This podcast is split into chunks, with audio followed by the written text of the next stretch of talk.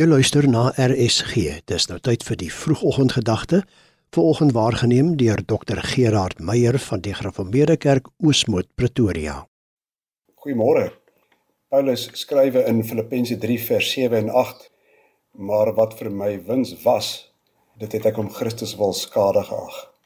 Ja waarlik, ek ag ook alles skade om die uitdemendheid van die kennis van Christus Jesus my Here ter wille van wie ek alles prys gegee het en as drek beskou om Christus as wins te verkry.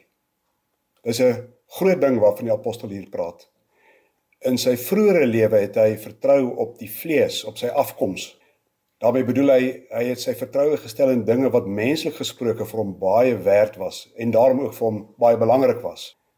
Hy is besny op die 8ste dag uit die geslag van Israel, uit die stam van Benjamin, 'n Hebreër uit die Hebreërs wat die wet betref 'n fariseer, wat ywer betref 'n vervolger van die gemeente, wat die geregtigheid van die wet betref onberispelik, so skryf hy.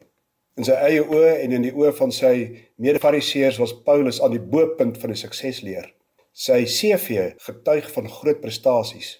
Hy het letterlik van krag tot krag gegaan. Die toekoms lê oop voor totdat die Here hom voorgekeer het op pad na Damaskus waar hy Christen gelowiges wil gaan vang en doodmaak.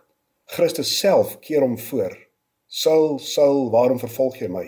En toe die skille letterlik en figuurlik van Paulus se oë afgeval. Al die dinge wat hy gedoen en bereik het, beteken niks in die oë van die Here nie.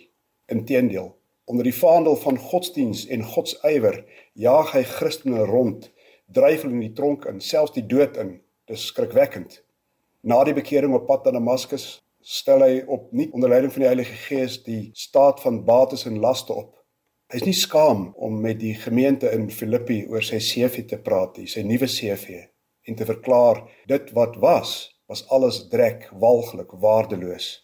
'n Lewe sonder Christus is inderdaad waardeloos. Ook al lyk dit in die oë van baie mense hoe indrukwekkend. Roem in Christus, dan doen jy goed.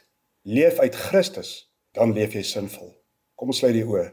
Vader in die hemel, gee dat ons met oop oë sal kyk na dit waarmee ons besig is in ons lewe, wat vir ons belangrik is, wat waardevol is en dat ons sal heroorweeg waar dit nodig is. Help ons om koersaanpassings te maak. Seën ons sodat ons aandag op U op Christus gerig sal wees om U naam ontwil. Amen.